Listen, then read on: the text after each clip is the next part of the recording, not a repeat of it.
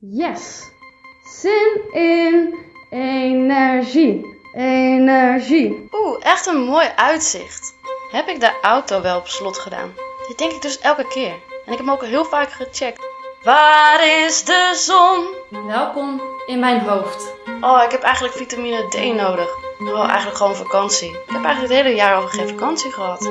Er zijn te veel projecten, er zijn te veel dingen open. Het huis moet nog af. Mijn ADHD-hoofd. Ik moet eigenlijk een betere baan zoeken. Oh, ik heb opeens een andere baan. Oh, maar dat is maar voor één dag in de week. Dus dat betekent weer incasseren, weer aanpassen. Oh, alles verandert. En het is niet iets van vastigheid. Oh, ik heb eigenlijk vastigheid nodig. Meer structuur. Maar ik word ook wel ergens een beetje kriebelig van structuur. Want dat betekent ook weer geen vrijheid. Maar nu voel ik helemaal geen vrijheid. Omdat ik geen structuur heb of geen vaste dingen. Ik heb bijna geen houvast, geen controle. En ik merk dat ik dat wel graag wil. Alleen in een soort van naar beeld van structuur. Want het is toch ook eigenlijk eigenlijk iets waar ik niet aan kan houden. En het is altijd zo'n deceptie als ik niet aan mijn planning kan houden, want dan voel ik me extra stom. Want ja, ik zou toch wel aan een planning moeten kunnen houden op een dag. Herken jij dit? Oh ja, ik moest nog stofzuigen. Oh, dat kan ik nu wel even doen. Oh ja, maar ik had eigenlijk gepland om nu aan iets anders te zitten. Maar ja, dit is ook nuttig. En zo gaat het dus de hele tijd. Elke keer denk ik, oh, dit is ook nuttig om te doen. En dit is ook goed, mijn vrije dag. En het lukt niet, omdat ik dan te moe ben. Omdat ik de rest van de week eigenlijk te druk had. Of dat, er, of dat ik soms te makkelijk nadenk over activiteiten. Oh ja, een verhuizing, ja, dat doen we op zich wel. Oh, een andere baan, ja, geen enkel probleem, doen we gewoon. Ik wil gewoon ook mijn dingen blijven doen die ik wil doen. Ik wil, ik wil soms gewoon te veel. En ik sta soms niet stil dat ik moet bijkomen. Ik vind bijkomen in mijn hoofd altijd zo'n stomme bezigheid. ADHD-dingen. Een podcast met persoonlijke en deskundige gesprekken over het leven met ADHD en alles wat daarbij komt kijken. Mijn naam is Neerma en sinds een paar maanden weet ik waarom mijn hoofd zo druk kan zijn. Ik heb de diagnose ADHD gekregen. Oh, is het wel nodig dan? Pas je wel op? Is het dan ook het doel om zonder te leven? Is het niet verslavend? Zorg je wel dat je niet te veel neemt, je weet wat ze zeggen. Dit waren een van de eerste vragen die ik kreeg toen ik vertelde aan mijn omgeving dat ik ADHD had en dat ik medicatie er ook voor slikte. En het grappige is, bijna niemand heeft gezegd: Oh, wat fijn dat je nu een medicijn hebt gevonden, zodat je normaal kan functioneren, dat jij er prettig bij voelt. Iedereen leest natuurlijk de negatieve berichtgeving rondom Ritalin. De kinderen worden zombies en de studenten nemen het alleen maar om betere cijfers te halen. Ik merk dat er weinig verteld wordt over de positieve werking van het medicijn. En er wordt bijna helemaal niet gesproken over de werking. Waarom? En wat zijn eigenlijk de verschillen? Je hebt natuurlijk Ritalin, maar ik slik iets anders. Wat maakt nou het verschil en waarom werkt het nou bij de een wel en bij de ander niet? Want eigenlijk een vraag nummer 1 is: waarom uh, slikken ADHD'ers medicatie? Waarom hebben ADHD'ers medicatie nodig? Niet echt iets nodig, want je, je gaat bijvoorbeeld niet dood. Maar je kan de levenskwaliteit natuurlijk wel enorm verbeteren als je medicatie neemt. De eerste vragen over medicijnen die ik had, en ook de luisteraars, heb ik gesteld aan een bekende van de podcast. Wellicht herkende je zijn stem al kort even. Het is namelijk Rob Rodriguez Pereira. Hij is kinderarts en de voorzitter van de Belangenvereniging van ADHD'ers Impuls en Woordblind. Met hem had ik een heel fijn interview over wat ADHD is. En zodoende dacht ik, hij is de perfecte man om ook deze vragen te beantwoorden.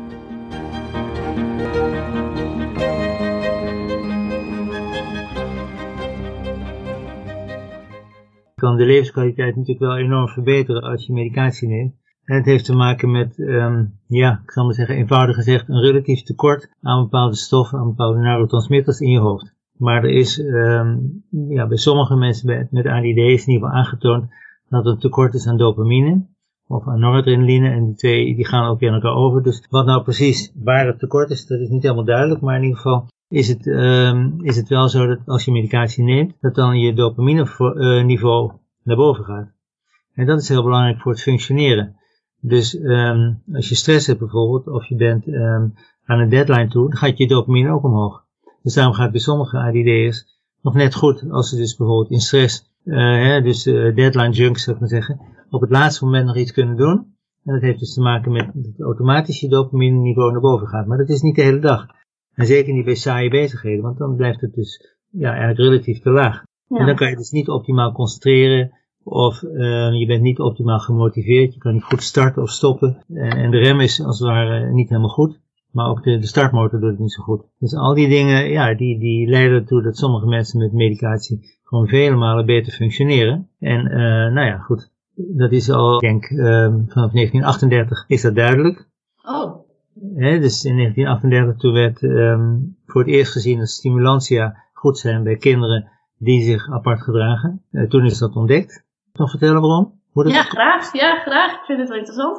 ja, nou, het is een beetje een leuk verhaal wel. Want in 1938 was er iemand in Amerika, een, een kinderarts, en die dacht van, oh, die kinderen die zo ontzettend druk zijn en die zo ongehoorzaam zijn en zo, zo ongeconcentreerd, die moeten natuurlijk iets in hun hersenen hebben. En toen dacht hij, nou, dan ga ik gewoon een MRI maken. Maar ja, MRI was het toch niet? Nee. Dus die deze keer was er ook niet. Je had alleen maar een luchtje, zoals het heet. Een luchtje, dat is een, um, een, uh, ja, een beetje een eufemisme voor, um, je haalt wat rugmergsvocht uit je rugmerg en je spuit wat lucht terug. En die lucht die borrelt dan zo naar boven en die komt dan in die kamers uh, van je hersenen terecht. En dan kan je dus als naar de binnenkant van je hersenen zien als je een röntgenfoto maakt. Oké. Okay. En wat deed hij toen? Uh, bij die kinderen, nou dat was een hele groep kinderen, uh, maakte hij die foto's. En hij zag helemaal niks, niks bijzonders. Maar allemaal normaal. Dus hij had een hele groep van normale kinderen. Maar omdat het onderzoek zo verschrikkelijk pijnlijk is, ja. de sterkste pijnstiller die er was, en dat is dexedrine. In die tijd. En dexedrine is een soort dexamfetamine. En toen kwamen ze dus van het onderzoek af. En had ze die medicijnen gegeven. En opeens waren die kinderen een paar uur helemaal normaal. Ja, precies. Het heet serendipiteit. Dus per ongeluk is uitgevonden waar je helemaal niet naar op zoek bent. Maar toen dacht hij, hé, hey, al die kinderen die normaal worden, doen die stimulantia iets. Toen is die stof een beetje omgezet in methylfenidaat. In de oorlog is dat geweest in 1944. En toen is dat op de markt gekomen in Nederland in 1954. We hebben net eigenlijk het, um, ja, het 75-jarig jubileum gevierd van Ritalin wat nog steeds de eerste keuze is. En dat is op zichzelf wel heel bijzonder. Dat 75 ja. jaar, ondanks alle onderzoek, nog steeds de eerste keuze is. Ja, want hoe kan dat dat Ritalin nog steeds de beste keuze is uh, om te geven? Toevallig gevonden. Omdat ja, het specifiek de dopamine verhoogt in je hersenen. In die bepaalde gebieden die dat nodig hebben. Ja. Oh, interessant. Wat een, wat een goed verhaal eigenlijk dan kunnen we meteen doorvragen naar van ja, welke medicijnen zijn er nog meer? Want we noemen net inderdaad dexamfetamine en Ritalin, maar zijn er nog meer varianten? Kan je daar iets over vertellen? Nou, je hebt dus uh, twee varianten, dus dat is en, en methylfenidaat. En methylfenidaat is dan Ritalin, maar het is ook Concerta, het is ook Medikinet, het is ook Ecosim. Je hebt ook nog langwerkende varianten ervan. Dat is allemaal hetzelfde, het is allemaal methylfenidaat. En dan heb je dexamfetamine, je hebt ook nog een paar andere namen, dat is Anvexa, en binnenkort heet dat Tentin, dat is hetzelfde. Ja. En Elvanse, dat is een voorloper van dexamfetamine. Dat zijn eigenlijk de stimulantia, die hele groep van uh, methylfenidaat en dexamfetamine. Dat is een hele groep stimulantia, uh, die werken op dopamine voornamelijk. En dan heb je ook nog medicijnen die werken meer op noradrenaline. Dat is een andere neurotransmitter. En dat zijn dus dingen zoals Stratera. Stratera atomoxetine, dat werkt eigenlijk voornamelijk daarop, maar ook al een beetje op uh, dopamine. En zo heb je verschillende middelen die ja, op verschillende systemen in je hersenen werken. Niet heel specifiek op iets, maar soms al het een klein beetje, of iets meer dat, iets minder dat. Um, en dan heb je dus van de ADD. Ja, want ik begreep dat uh, de bekendste Amerikaanse uh, medicijn is Adderall. En dat is een soort van combinatie uh, ja. van alles, toch? Ja, dat is een combinatie en... van, van allerlei stimulantia die voornamelijk op dopamine werken. Ja, en ik begreep dat bijvoorbeeld ook in Amerika veel meer medicatiesoorten zijn dan in Nederland. Um, nou, nee. Kijk, je hebt dezelfde soorten. Dat zijn namelijk de stimulantia. Ja. Bijvoorbeeld Focalin. Uh, we hebben geen Focalin, maar we hebben wel dexmethylfenidaat. En ja. dat is hetzelfde als Focalin. Uh, maar dat kan je alleen maar bij één apotheek krijgen. Uh, maar zij hebben dus ook op indicatie dezelfde dingen. Dus ze hebben ook Ritalin dexamfetamine op indicatie van ADHD. Ze hebben ook Stratera en ze hebben ook Guanfacine. Dat is dus um, Intuniv. Dat hebben ze ook. Meer hebben ze ook niet. Oké, okay. oké, okay, dan is dat iets wat ik uh, mis heb begrepen. Ja. Dit zijn dus de namen en de, en de combinaties. Dus Adderall, dat, dat, is een combinatie van een paar verschillende dingen.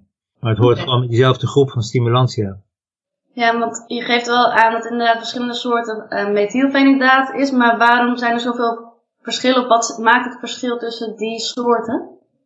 Nou ja, kijk, heel veel mensen denken van, ja, ik heb al van alles gehad. Ik heb al Ritalin gehad in Concerta en Medikinet. En het hielp allemaal niet. Maar dat komt omdat het hetzelfde is.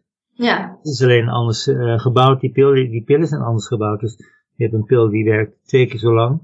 Dat is bijvoorbeeld Medikinet en Ecosim. En nog een, een andere taarvorm van de regenboogapotheek. Die werken gewoon twee keer zo lang als Ritalin. Die hebben een andere naam gekregen. Ah. Je hebt pillen die werken drie keer zo lang. Dat is bijvoorbeeld Concerta. En de andere uh, preparaten die ook zo lang werken van andere fabrieken, die werken drie keer zo lang. Maar het is in feite hetzelfde. En, en er zit bij sommigen dus een beetje een profiel in. Dus bijvoorbeeld als je Medikinet hebt, dan heb je dus 50-50 verdeeld. Maar als je Ecosim hebt, dan heb je dus ietsje minder s'morgens en ietsje meer smiddags. Hoe werkt dat dan? Hoe gaat dat dan? Ja, dat, dat zit dus in die korrels die in die, in die uh, capsule zitten. Die hebben ze zo gebouwd dat het s'morgens bij Ecosim ietsje minder eruit komt en smiddags ietsje meer. En bijvoorbeeld bij Concerta en met de andere vergelijkbare producten is het ook s'morgens ietsje minder en smiddags ietsje meer. En dat hebben ze destijds zo gebouwd omdat ze vonden dat de kinderen smiddags een beetje meer inkakken en dan als het ware ietsje meer nodig hebben. Ah. Maar ik ken ook genoeg kinderen die s'morgens juist meer nodig hebben. En die, die beginnen dus hoog en die gaan liever naar beneden. En die hebben dus eigenlijk niet het goede middel als ze concerten nemen, want dan begint het verkeerd. Ja, precies. Door een combinatie van concerten en een kortwerkende bijvoorbeeld. En dat, dat is gewoon hetzelfde tussen concerten en Ritalin samen doet. Dan heb je nog steeds methylfenidaat. Maar dan kan je zelf, ik zal maar zeggen, s'morgens wat meer en s'middags wat minder nemen. En geldt dit dan ook voor volwassenen? Allemaal precies hetzelfde. Volwassenen zijn gewoon net grote kinderen. Dat sowieso. Allemaal om de individuele fine-tuning. Ja. het gaat niet per kilo, het gaat niet per leeftijd, helemaal niet. Oké. Want ik merk bij mezelf, ik uh, slik dexamfetamine en ik heb, um, ten eerste kreeg ik inderdaad ook Ritalin mee. En daar ging ik helemaal niet goed op, uh, merkte ik. Hoe kan het dat voor mij dan dexamfetamine heel goed werkt en Ritalin voor mij minder? Nou ja, kijk, je kan natuurlijk nooit in iemand zijn hoofd kijken. Nee. Iedereen is een individu. Dus je kan zeggen van, oké, okay, um, Ritalin werkt bij sommige mensen hartstikke goed. Die zijn erop gebouwd, hè. Die, die hebben gewoon de erfelijkheid dat het precies goed aansluit bij hun. Maar Ritalin werkt nogal scherp. Dus snel naar boven en snel naar beneden. En dexamfetamine gaat veel rustiger. En die heeft een ietsje ander werkingsmechanisme ook. Alle twee hebben ze dus ja, hetzelfde principe van, um, van een transporter heet dat. En die, die zuigt als het ware uh, de, de, de, de, dopamine weer terug. Nou, het is een beetje een ingewikkeld verhaal, maar dat hoor je dan in een andere podcast hier. ja. En uh, dexamfetamine heeft ook nog een andere functie, namelijk hij laat ietsje meer dopamine los in de, in de cel, in de synaps. Dus het is wat rustiger. En veel mensen vinden dat veel prettiger, omdat het ook andere bijwerkingen heeft. Met name dus ietsje minder dat je daar bijvoorbeeld verdrietig van wordt, of somber van wordt, uh, dat je geen rebound hebt. Dat zijn enorme voordelen van dexamfetamine. En bovendien werkt het langer. Ja. Het werkt anderhalf keer zo lang. Dus het is gewoon een heel fijn middel. Maar dan heb je dus ook nog, en dat is best vervelend natuurlijk voor de mensen ook, je hebt bijvoorbeeld Anvexa op de markt gekregen. De, de inspectie heeft gezegd, iedereen moet Anvexa. Want het is een geregistreerd middel. Terwijl de 2,5 milligram generieke tablet, die is er ook nog, uh, hebben we nogal voor gevochten met onze vereniging, met Impulse Woordblind, dat die zou blijven bestaan. Want sommige mensen die zijn helemaal niet tevreden over Anvexa, terwijl ze met dezelfde basering heel erg tevreden zijn uh, over die andere tablet. En die grijpt dus net ietsje anders aan, terwijl de stof eigenlijk hetzelfde is, maar het komt anders in je bloed. Of uh, de, de, ja, de producten die ze in die pil hebben gedaan, die zijn net ietsje anders misschien. Ik weet het niet, maar sommige mensen zijn echt helemaal niet tevreden over Anvexa. En opeens dan waren ze goed ingesteld, krijgen ze een andere pil en dan kunnen ze helemaal niks meer. Hebben ze allemaal klachten en dan doet hij het niet meer. En dan gaan ze weer terug op dezelfde dosering van die 2,5 milligram, dan gaat het weer goed. En hoe kan het dat dan de regering uh, heeft bedacht van ja, dat gaan we niet meer doen? Of zei van nou ja, uh, we gaan het niet meer doen op deze manier? Hoe kan nee, dat? kan omdat ze het niet zo goed begrijpen. Ja. het moeilijke is eigenlijk dat je dus denkt van nou, farmacologisch is het allemaal hetzelfde. Je hebt evenveel milligrammen en, en je neemt het gewoon, je slikt het gewoon op dezelfde manier door. Het is allemaal hetzelfde. Maar ze vinden dus dat um, geregistreerde medicijnen, dat die beter zijn. En dat die gekeurd zijn. En die zijn goedgekeurd. En die andere, ja, dat zijn uh, volgens hun niet optimale medicijnen, omdat het gewoon gemaakt wordt. Uh, er zit niet zo'n strenge keuring aan enzovoort. Ja, dat is natuurlijk een beetje flauwekul, want die worden ook gekeurd. Maar die, die zijn op een andere manier niet goedgekeurd door het CBG. En dat heeft ermee te maken dat het veel geld kost. En dat is altijd natuurlijk hetzelfde. Het kost heel veel geld om iets gekeurd te krijgen, goedgekeurd te krijgen, op die indicatie. En dat is ook de reden dat bijvoorbeeld bij volwassenen, tot uh, vorig jaar, de Ritalin en al die andere methylfenidaten niet voor volwassenen waren uh, goedgekeurd. Oh. Dat is veel te gevaarlijk. Oh. En toen heeft één fabriek die heeft gezegd, nou we gaan wel Medikinet gaan proberen te registreren. En dat is als enige nu geregistreerd. Dus alle andere methylfenidaten niet, die mag je niet gebruiken. Althans, niet on-label. Nee. Die moet je allemaal off-label gebruiken. Alleen Medikinet mag je on-label gebruiken bij volwassenen. Dat is het enige methylfenidaat. Terwijl ze allemaal natuurlijk dezelfde bijwerking hebben. Het is allemaal gewoon precies hetzelfde. Maar die Ja. andere fabrieken hebben er niks voor over om dat te doen. Nee. En dat maakt helemaal niet uit voor de volwassenen, want iedereen krijgt gewoon wat hij krijgt. Ja, dus het maakt precies. niet uit. Maar de mensen die echt alleen maar ehm, ja, heel braaf zijn en zeggen, ik ga niet off-label voorschrijven, die kunnen alleen maar Medikinet voorschrijven. Ah, want er, dat, het wordt natuurlijk best wel vaak nog andere worden wel voorgeschreven, toch? Dus eigenlijk dan off-label aangeschreven. Ja. Ze zijn allemaal off-label. Kijk, de hele kindergeneeskunde is allemaal off-label. Dus 70 tot 80 procent is allemaal off-label van alle medicijnen. Omdat de markt te klein is. En dan zegt dus de fabrikant, daar heb ik geen zin om te registreren, want het is veel te duur. Ze schrijven het toch wel voor. Ah, ja, precies. Ja. En hoe kan het dan bijvoorbeeld, wat ik wel heb begrepen hoor, is dat Ritalin dan wel wordt vergoed en in ieder geval Anvexa wordt niet vergoed? Nou, kijk, eigenlijk is Ritalin, dus methylfenidaat, is heel Ja. goedkoop. Het kost 2 cent of zoiets. Dexamfetamine kost ook maar een paar cent. Dat Ja, kost er niks. Maar die, die, ehm, ja, die fabrikanten die hebben gezegd, we maken er iets moois van, een, ge- een geregistreerde pil. En dan kost die opeens, eh nou, een Vexa 1 euro. Elvanse kost eh 3 euro of 6 euro per dag. Ja, terwijl het product zelf, nou ja, Elvanse ligt een beetje anders, want dat is natuurlijk eigenlijk een soort voorloper van dextrovitamine. Dat is wel een speciale eh, formule. Dat dat ietsje duurder is, dat kan ik me wel voorstellen. Maar dextrovitamine kost eigenlijk helemaal niks. Dus we proberen er wel voor te vechten om dat te behouden, want Rob vertelt verder over dat Anvexa eh, dat ten het tin wordt-. Het is eh, veranderd en nou ja, veel luisteraars en ik zelf merk ook dat daar best wel groot verschil in zit in werking. En Rob vertelt verder over hoe Impuls en Woordblind het probeert aan te vechten of dit onder de aandacht te brengen. Wil je hier meer over weten? Ik zal wat informatie later op de Instagram pagina zetten. En je kan natuurlijk kijken op de website van Impuls en Woordblind over dit onderwerp naar de medicatieverhaal. Eh, want je, we hebben het gehad over methylfenidaat kort en over dexamfetamine. Maar je zei, die is al heel erg gericht op dopamine en Ja. eh, stim- eh, stimula. En dan heb je ook nog de andere die meer op serotonine zitten. Nou, maar dat zijn niet echte middelen voor ADHD. Ah, Kijk, de serotoninemiddelen, dat zijn dus dingen zoals SSRI's, hè. Dat is selectieve serotonine reuptake remmer. Dat betekent Oké. SSRI. Eh, en die zijn juist voor depressie. ah ja. Maar die zijn niet alleen voor depressie, maar die zijn ook voor angst. En die zijn ook voor ehm, eh, dwang en drang. Maar die zijn ook voor- bijvoorbeeld voor mensen die heel erg prikkelbaar zijn. Of makkelijk geprikkeld worden. Zoals eh, mensen met autisme bijvoorbeeld. Die hebben vaak ook baat bij een SSRI. Niet altijd in hoge dosering en ook niet voor, ehm, voor ehm, eh, depressie. Maar meer voor ja, een overmaat aan prikkels die binnenkomt. Dus dat Ja. dempt ook een beetje de prikkels. Oké. Dus het is inderdaad dan niet, meer, niet echt alleen voor, eigenlijk niet voor ADHD'ers bedoeld. Nee, maar ADD's hebben natuurlijk ook wel depressies. Die hebben ook comorbiliteiten met angst of met ehm, dwang- en drangstoornissen en dat soort dingen. Hè? Dus daarom zijn die combinaties ook vaak ehm, ja, best zinvol. Maar jij bedoelde noradrenaline. Ja, sorry. Pardon. Ja. Noradrenaline is die Mijn andere, grote zwakte namen, dingen. Ik, eh, ja. ja, is die andere neurotransmitter. Ja. En eh, daar is dus ehm Statera het enige middel wat geregistreerd is voor ADD, dat voornamelijk op noradrenaline werkt.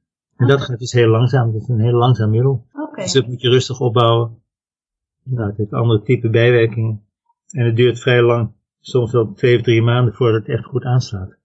Oké. En hebben dan ADHD'ers dan wel zo'n lange adem als het eh, drie maanden Ja. duurt? Nou ja, ik vind het persoonlijk niet zo prettig om het te geven. Maar je hebt bepaalde types hè, die, die echt niet reageren op stimulantia. En dan moet je wat anders. En dan is dit eh, ja, een van de middelen die, die daar geschikt voor zou kunnen zijn.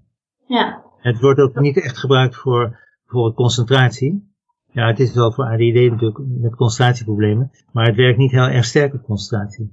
Dus het werkt meer op gedrag. Ja, dus in het begin, toen, toen het op de markt kwam, in 2006 was dat geloof ik, toen eh, werd het voornamelijk gebruikt bij mensen met ADD die ook een beetje eh, trekjes van autisme hadden. Weet je wel, die een beetje aparte gedragsstoornissen hadden. Maar voor de kinderen die op school bijvoorbeeld concentratieproblemen hebben, nou, is niet zo'n heel erg sterk middel. Dus wat Nee. ik nog een keer doen, iemand die gedragsproblemen heeft door de ADD en ook concentratieproblemen, dan geven we bijvoorbeeld Statera. Als hij niet kan tegen een behoorlijke dosis uh, stimulantia. En dan soms morgens nog een beetje Ritalin. Oké. Okay. Ja, geeft een combinatie van een beetje dopamine en uh, noradrenaline stimulerende stoffen. En ik krijg soms dan de opmerking van, joh, ik uh, slik medicatie en oh, daar zit toch allemaal speed in, dat is echt de drugs en ja, daar raak je verslaafd aan en uh, dat kan niet en nou ja, alle vooroordelen. Aan de luisteraars heb ik gevraagd naar de vooroordelen die zij vaak horen over medicatie. En ik heb een vriend gevraagd of hij die wilde inspreken. En dat heeft hij zo grappig gedaan op verschillende manieren, dat ik jullie dit even wil laten horen. Hier komen de vooroordelen over medicijnen. Oh, je hebt ADHD? Zeker voor de Ritalin? Of je kan die pillen ook lekker verkopen. Oh, je hebt ADHD? Zeker voor de Ritalin? Je kan die pillen ook lekker verkopen. Jij hebt ADHD. Zeker voor de Ritalin. Wat zou jouw reactie daarop zijn? Dat soort opmerkingen slash vragen. Nou ja, het hangt een beetje van de opleiding van de persoon of die dat zegt. Ja, tuurlijk. Maar ik leg vaak uit dat, dat um, kijk, stimulantia, hè, speed is ook stimulantia. Hè, dat is ook een stimulans. Cocaïne ook. Hè, dat zijn stoffen, zoals speed bijvoorbeeld, amfetamine, die wordt als nou omgebouwd in dexamfetamine. Die heeft een molecuul aan vastzitten. En dat maakt hem dus niet geschikt voor um, als, als drug.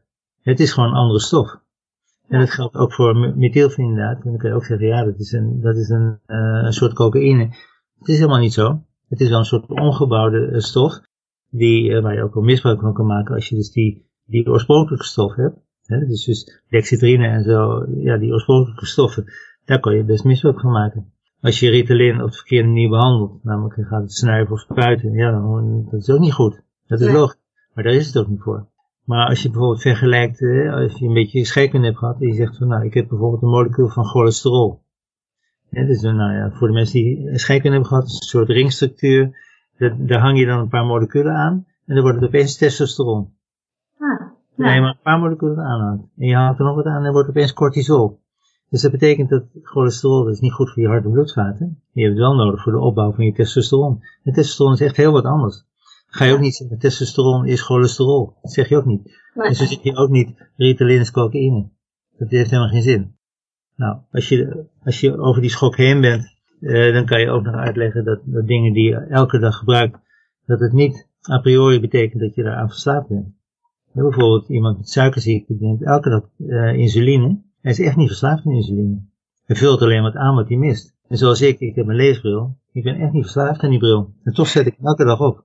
Ja, precies. Dus dat is heel wat anders dan verslaafd zijn. En dan hebben ze dus uh, vroeger, in uh, de vijftiger jaren, toen mocht je maar behandelen tot 13 jaar.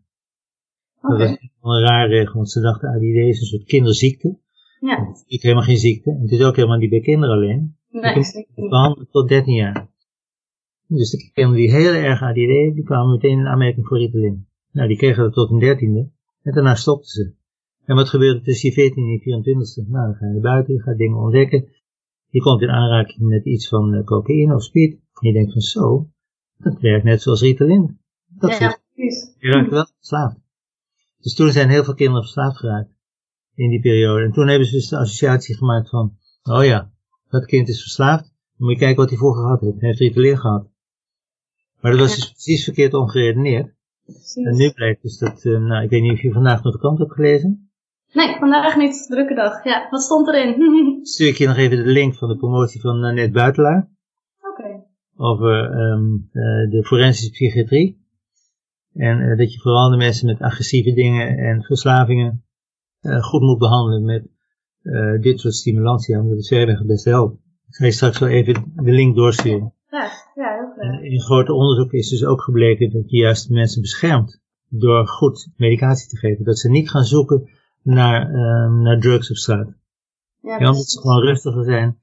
En, en dat geldt dus ook voor mensen die verslaafd zijn. Die behandelen we ook graag met medicatie. Maar dan hebben ze vaak een wat hogere dosering nodig dan andere mensen. Omdat ze eigenlijk, ja, als er een soort ernstige ADD zijn, die moeten ook vaak met hogere dosering behandeld worden. Als je dat niet doet, dan gaan die mensen gaan zoeken en sparen.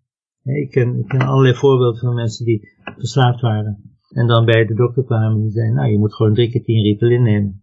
En dat is het dan. Nou, en, en ja, als je drie keer tien hebt, dat is soms veel te weinig. Want vier keer twintig is bijvoorbeeld een normale dosering. Ja. Bij iemand die verslaafd is, heb je misschien wel 100 of 200 of misschien wel meer milligrammen nodig per dag. Ja. En, en als iemand dan gaat sparen, dan zeggen ze, ja, moet je kijken, hij wil steeds meer, hij wil steeds meer. Maar dat komt omdat hij eigenlijk steeds te weinig heeft. En dat is een enorm verschil. Dus daar is nog heel veel, uh, ja, moet veel aandacht aan besteed worden. Want die mensen die lijden juist het meeste onder, onder een tekort of slechte medicatie. Ja, precies. Want is het dan, je geeft al aan van ze hebben dan extra veel nodig. Um, waar hangt het nog meer van af dat hoeveel mensen uh, medicatie nodig hebben, hoeveel milligram ze nodig hebben per dag? Waar ligt dat nog meer aan? Kijk, je kan niet zeggen uh, het gaat per kilo of per leeftijd. Zij kunnen het, het gaat alleen maar per effect. En het maakt niet uit of je nog veel of weinig hebt, maar je mag geen bijwerking hebben en het moet wel effectief zijn. En daartussen, ja. daar, daar zit je dus tussen. Ja, dus het kan best zijn hè, dat, dat de moeder twee keer 2,5 milligram heeft en heel tevreden is. En haar dochtertje van, van 8 jaar, die heeft dan 3 keer 15 milligram. Hè, die heeft, die heeft uh, 10 keer zoveel. Ja. En, en die hebben alle twee geen bijwerking en alle twee goed effect. Dus het hangt gewoon af van allerlei omstandigheden. Uh, ik heb het vorige keer misschien ook wel gezegd, het hangt ook af van je activiteiten. Dus als je bijvoorbeeld heel erg uh, druk bent en je gaat sporten of je hebt gymnastiek, is het eerder op. Dus dan moet je rekening houden dat, dat, dat het niet met 3,5 uur werkt, maar 3 uur bijvoorbeeld. Als je bijvoorbeeld, en dat zal Sandra ook nog wel zeggen, uh, als je hormonen een beetje dalen de week voor de menstruatie, moet je meer nemen. Als je in de menopauze zit, dan krijg je opeens ADD, omdat ook je dopamine daalt. En dan moet je daar uh, opeens iemand met ADD behandelen die het daarvoor nooit heeft gemerkt. Maar die Ja, krijgt dan ja. net boven die drempel. En zo zijn die omstandigheden ook heel belangrijk. Ja, precies. En is het dan ook zo, dit was ook een veel voorkomende vraag van luisteraars, als in, heb je op lange termijn meer nodig omdat je er gewend aan raakt? Nou ja, niet in de zin van dat je er verslaafd aan raakt. Nee. Maar soms moeten wel bijvoorbeeld die enzymen, die moeten een beetje harder werken. Want die krijgen elke dag bij wijze van spreken dat weer te verteren. En dan gaat automatisch in je lichaam gaan die enzymen wat harder werken. Dus sommige mensen, die moeten in het begin een paar stapjes doen, dat ze steeds als het ware ietsje meer nodig hebben. Maar dat komt omdat er ietsje minder wordt opgenomen of ietsje meer wordt verspild. Ja. Het is hetzelfde als wanneer je een wastafel hebt bijvoorbeeld en je zet de kraan hard aan omdat het gat heel groot is. Dan kan je toch dat het goed ergens op een niveau blijft. Maar als het gat kleiner is toevallig, heb je minder nodig dan blijft het niveau ook hetzelfde. En zo is het eigenlijk. Dus wat erin gaat en wat eruit gaat moet ongeveer in evenwicht zijn. Je weet niet, maar je weet niet wat erin komt. Dus je kan een pilletje slikken, maar je weet uiteindelijk niet precies hoeveel milligram er in je bloed komt. Want een deel wordt bijvoorbeeld niet opgenomen, een deel wordt verteerd door je bacteriën misschien wel, die in je darmen. Dus de ene die bacterie, de andere die. Het een die heeft misschien wat meer zuurgraad in zijn darm en die heeft daar meer last van en, dan neemt hij wat minder op. Zo heeft iedereen zijn eigen ding. Dus Ja. daarom is het helemaal niet belangrijk om te zeggen van nou, je moet 5 milligram of 10 milligram is normaal. Daar gaat het helemaal niet om. Je mag alleen geen bijwerking hebben en of je er veel of weinig hebt, dat maakt niet uit. Nee, precies. Ik heb, ik heb bijvoorbeeld een kind die heeft 40 milligram per keer. Nou, 40 milligram per keer, iemand anders die ontploft erbij. En dit Ja, kind, is hartstikke goed. Die heeft helemaal geen last. Die heeft geen, geen bijwerking en die heeft prima effect. Die wil het niet anders. Nee. Het is wel echt bizar hoe dat zo'n groot verschil is eigenlijk eh, per persoon. Ja, maar als je het zou meten in het bloed, dat hebben we wel een aantal keer gedaan, dan zie je allemaal normale spiegels. Dan zie je dus Oh. niet dat ze opeens meer hebben. Het blijkt gewoon dat ze het niet goed opnemen. Nou ja, Nee. jammer. Precies, en dan heb je gewoon meer nodig inderdaad. Ja. Want daar zijn ook heel veel mensen soort bang van voor in mijn omgeving dat het heel erg medicijn lang in je bloed of in je systeem blijft zitten. Ja. Is dat ook zo? Nee, nee. Het is gewoon, kijk, het, eh, het werkt ongeveer 3,5 of 4 uur, hè, Ritalin. Ja. 4,5 of 5 uur. En daarna gaat het natuurlijk, dan wordt het verteerd, en dan wordt het afgebroken. En dan gaat het dus langzaam naar beneden. Dus het effect daarvan, dat is eigenlijk vrij snel weg. Maar je houdt nog wel een klein beetje restproducten in je bloed. Maar de, de volgende dag is alles al lang weg. Ja, precies. En, en wat zijn eigenlijk eh, de grootste bijwerkingen die je, nou ja, die je veel hoort van Ritalin of andere medicijnen? Laten we zeggen van methylfenidaat. De grootste bijwerking van methylfenidaat is meestal dat je iets minder gaat eten. Nou, dat is voor de meeste kinderen in Nederland best goed. En voor de volwassenen ook. Dus die vinden Ja. het fijn. Eh andere bijwerking natuurlijk, als je het te laat neemt, dan werkt het soms zoals koffie. Bij sommige mensen, dat je niet kan slapen. Nou, dat, is, dat zijn natuurlijk vervelende bijwerkingen, die verdwijnen meestal wel. Dan heb je ook nog wel lichte bijwerkingen. Sommige kinderen hebben wel eens, of volwassenen ook wel eens een beetje buikpijn. Maar dat is allemaal heel minimaal. Ja. Alleen de echte bijwerkingen die je niet mag hebben, is dat je te vlak wordt, of dat je er somber van wordt, of dat als je nog meer geeft, dat je er depressief van wordt. Als je er nog meer gaat geven, dan word je er een zombie van. Ja, En dat zijn de mensen die op internet gaan zeggen, oh Ritalin, daar word je een zombie van. ja dat is, klinkt het zo ontzettend stom. Dat als je je kind vergiftigt en je gaat dan eh, tegen iedereen zeggen, ik heb mijn kind vergiftigd. Dat klinkt toch dom? Ja, Maar dat Ja. ligt niet aan het medicijn, dat ligt gewoon aan die mensen zelf. Of aan degene die zich voorgelicht. Kan ja, precies. En, en dat is dus iets wat je moet proberen te voorkomen, want Ritalin krijgt zo'n slechte naam daardoor. En dan zeggen sommige mensen, nou je wordt er een zombie van, dus ik ga het niet doen. En dan missen ze heel veel kansen. Ja, Dat het precies. vaak heel goed gaat met medicatie. Als je maar weet hoe je het moet instellen. Volgens mij ligt daar ook de key inderdaad. Dat je de goede juiste hoeveelheid en weet wanneer je moet eh, nemen inderdaad. En daarom ehm, gebruiken we ook altijd zo'n metafoor ervoor. En we vergelijken dus het nemen van medicatie met het zet- opzetten van een leesbril. Dat je dus gewoon denkt van ja, als ik een bril van plus 5 moet hebben, nou ik doe maar plus 4 of plus 3, want zo sterk wil ik het niet. Maar ik zie eigenlijk niks, maar dat maakt niet uit, want ik ben eigenlijk bang voor plus 5. Ja, Of mensen die zeggen ja, ik moet plus 10 en, en die hebben allemaal bijwerkingen. Dat is ook niet goed. Dus dat moet je Nee. niet doen. Je moet gewoon plus 5 nemen en dan moet je denken, oké, dat is precies goed. Of plus 4,5. Of eh, op sommige dagen neem je dan eh, plus 2, want dan denk je, nou, ik moet alleen maar fietsen. Eh, en plus 2 is eigenlijk veel fijner dan plus 5. Nou, dan moet je dat vooral doen. En in het weekend zet je geen bril op. Nou, dat is ook goed. nee, Maar als je bijvoorbeeld gedragsproblemen hebt, en in het weekend neem je het bijvoorbeeld niet, of in de vakantie niet, en je krijgt de hele dag ruzie, ja, dan is dat niet zo handig. Dan moet je gewoon een echte bril. Ja, De metafoor is dus een bril, of een leesbril, of een lenzen. Dat zijn de langwerkende middelen. Dat is een die zet je dan 's morgens in, en dan heb je een groot deel van de dag plezier van. Het interview met Rob duurt een uur. En ik dacht, het is misschien verstandig om dit op te delen in twee keer. Zodat je nu weer door kan naar je volgende activiteiten. Ik ken een klein beetje de doelgroep en de concentratievermogen daarvan. Dit was dus de eerste aflevering over medicijnen. Volgende keer hoor je deel 2 van het interview. We gaan het hebben over de invloed van te weinig of te veel medicatie. We gaan het hebben over rebound. En wij bespreken vragen van de luisteraars. Heb jij nog vragen over medicijnen of over andere onderwerpen? Laat het mij dan weten. Je kunt mij een berichtje sturen via Instagram, ADHD Dingen. Of je kan een mailtje sturen naar info.adhddingen.nl Dan wil ik jou heel erg bedanken voor het luisteren naar de podcast. Dank aan Rob Rodriguez Pereira voor het interview. Deel het, zeg het voort. Hoe meer er geluisterd wordt naar de podcast, hoe meer kennis er wordt gedeeld over ADHD. Dit zou toch mooi zijn? Nogmaals bedankt voor het luisteren en ik spreek jullie snel.